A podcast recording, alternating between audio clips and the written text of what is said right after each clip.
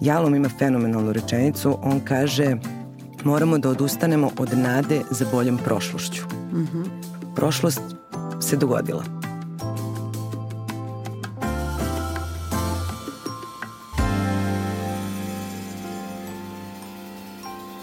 Dobrodošli u podcast Kako da izgradite dobar život u produkciji velikih priča. Ja sam Ana Mitić, novinarka i urednica u Velikim pričama i Nedeljniku. Kajanja imao sam nekoliko, ali opet premalo da bi se pominjalo. Peva Frank Sinatra u svom čuvenom hitu iz 1960. godine. E, to je pesma My Way, poznata svima. I svi volimo ovu pesmu koja negde kaže da šta god da smo uradili u životu, radili smo najbolje, kako smo umeli i idemo dalje.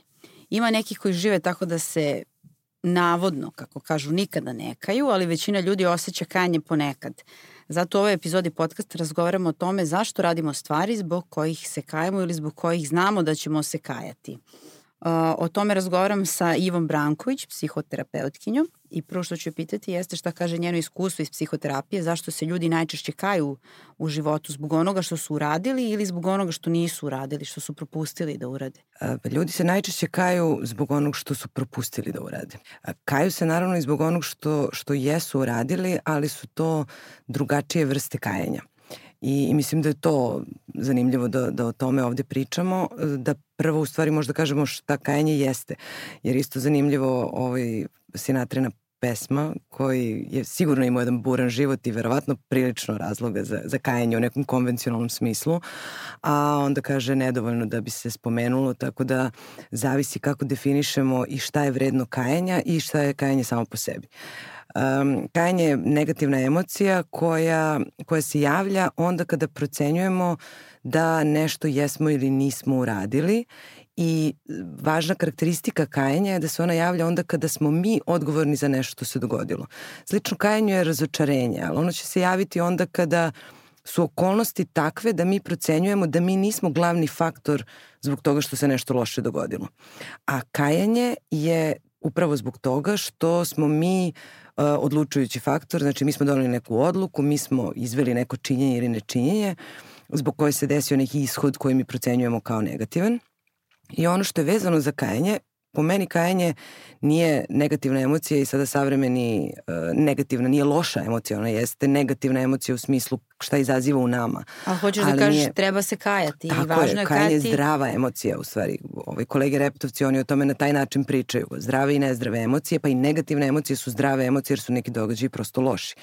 Pa kajanje jeste jedna takva emocija koja je u suštini dobra zato što mi u životu imamo različite izbor, izbore, različite dešavanja i ponekad je neophodno da, da se kajemo, ali ono što je važno, a uz kajanje ume da bude često vezano, to je osjećaj samokrivljavanja, odnosno osjećanje krivice.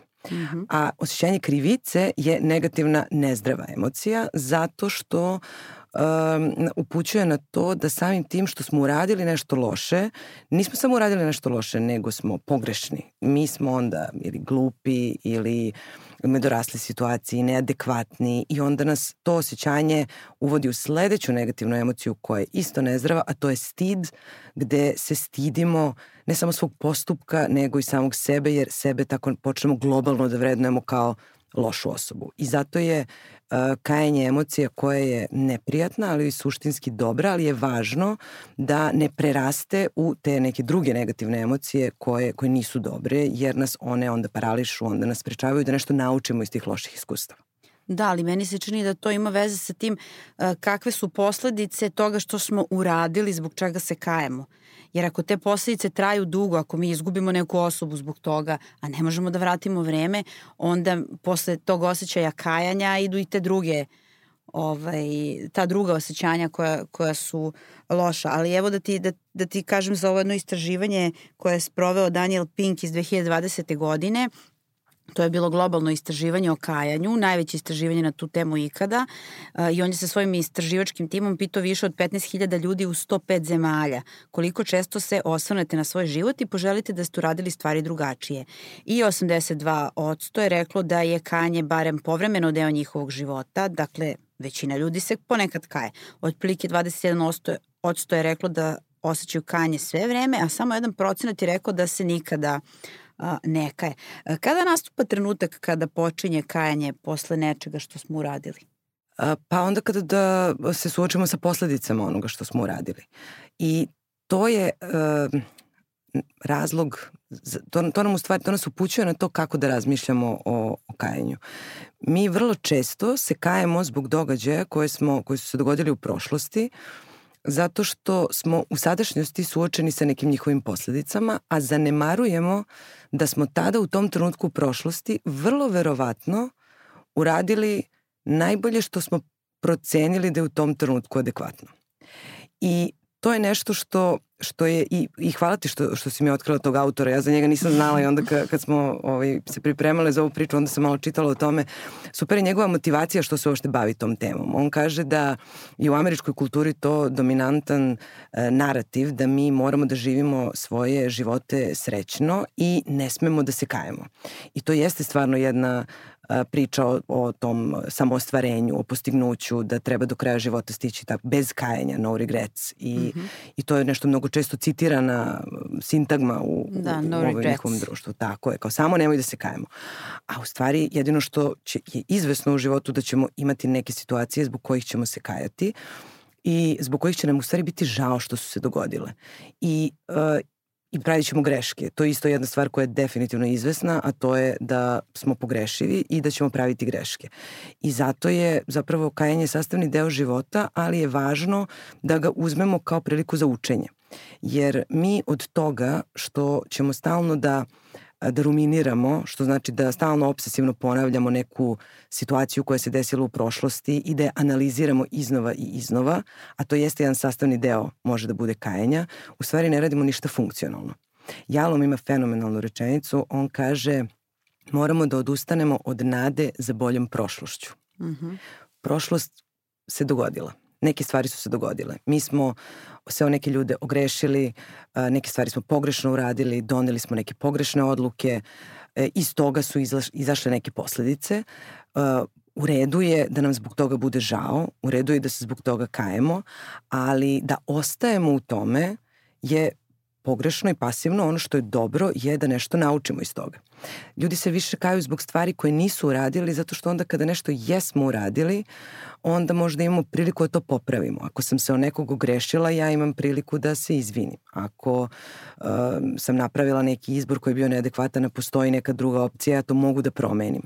Ako je neka prilika postojala, a nisam iskoristila, onda je to, može da bude razlog za kajanje svakako. Ali u suštini mislim da je kajanje treba shvatiti kao i svaku drugu emociju kao signal. Ako smo nešto doživeli, ako, smo, ako nam je zbog nečeg žao što se dogodilo na određeni način, imamo opciju da probamo to da popravimo i imamo opciju da prihvatimo, ako je to nepopravljivo, da u nekoj sledećoj sličnoj situaciji ne napravimo takvu grešku. Ipak greške su sastavni deo života i svi grešimo i kažu nam da treba da grešimo jer iz grešaka učimo i stičemo iskustva. Uh, ali ka, kako uh, to pomiriti sa osjećajem uh, kajanja i ono što me zanima jeste mi znamo za neke stvari da ćemo se kajati. A zašto onda uradimo te neke stvari? E pa dobro, to su, to su one različite vrste kajanja. Mislim da uh, kada radimo neke stvari zbog kojih znamo da ćemo se kajati, to su uglavnom ti proračunati rizici u koje mi ulazimo zato što procenjujemo da će nam trenutno zadovoljstvo koje donosi neka situacija uh, vredeti neko kajanje koje dolazi iza toga.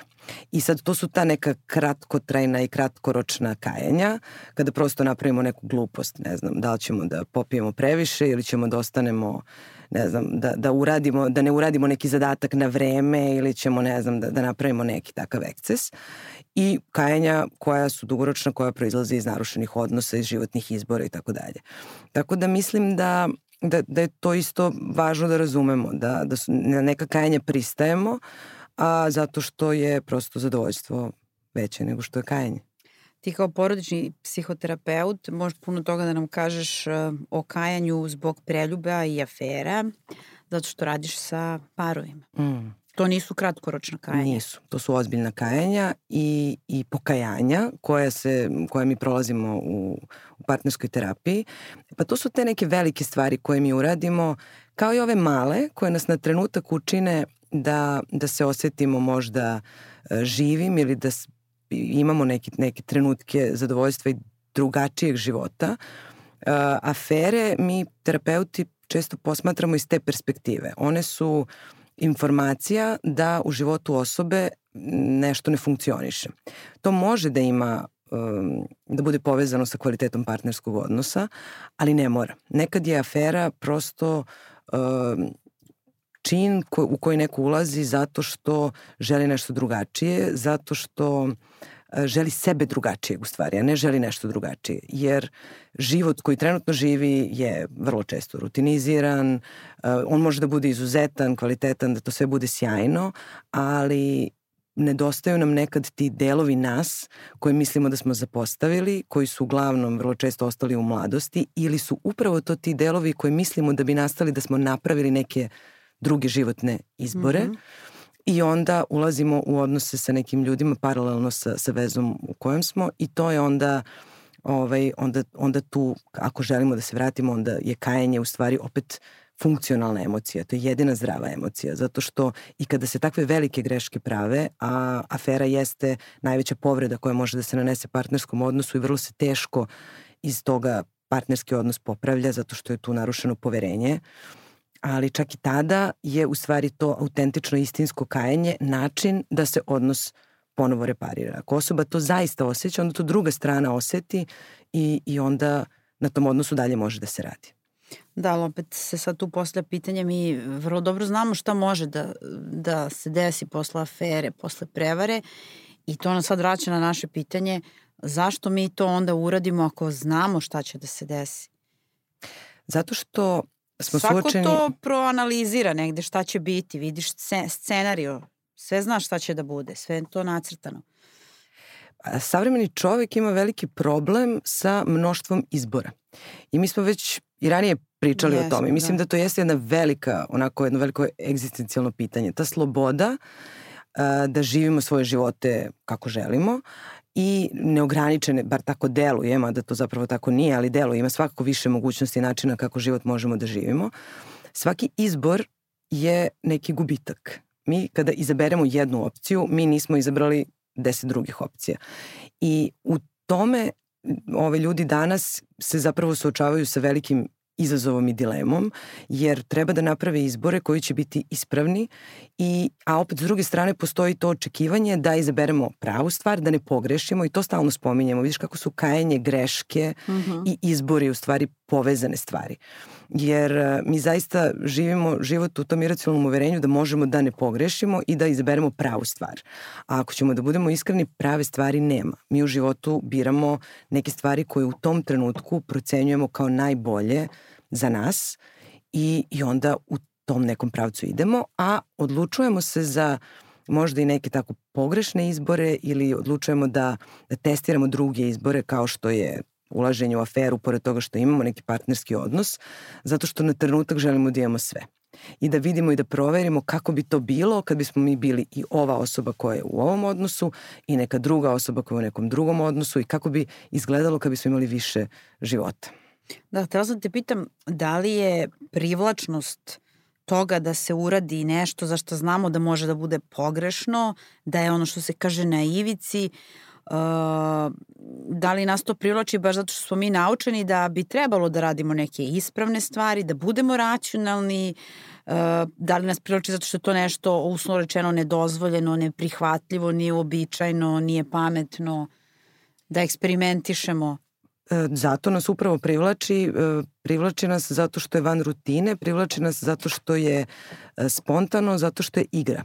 I vrlo često će ljudi koji prave tako neke ekscese biti oni ljudi koji su inače skloni ispravnom um, rutiniziranom ponašanju. I ljudi mhm. koji nisu naučili da se igraju, kojima nije bilo dozvoljeno da budu spontani, koji su uvek morali da budu uh, dobra deca, ispravni ljudi, sve. da, sve po pravilima i onda dođe do tih iskakanja koja mogu da budu povređujuća za tu osobu ili za drugi ljude. Zato je mnogo bolje um, to, toga biti svestan i, i nekako u odraslom dobu, to je vrlo česta tema u psihoterapijskoj praksi, kod, kod klijenata sa kojima ja radim, kako da, um, da to vratimo tu razigranost, kako da, da nekako da ponudimo neki sadržaj sebi koji nismo imali kao deca, a govorimo o ljudima koji su vrlo uspešni, koji su sve uradili kako treba, koji su došli do nekih pozicija i trenutaka u životu kad su se zapitali čekaj, a šta onda i kako sada? Mm -hmm. I, I onda učimo da,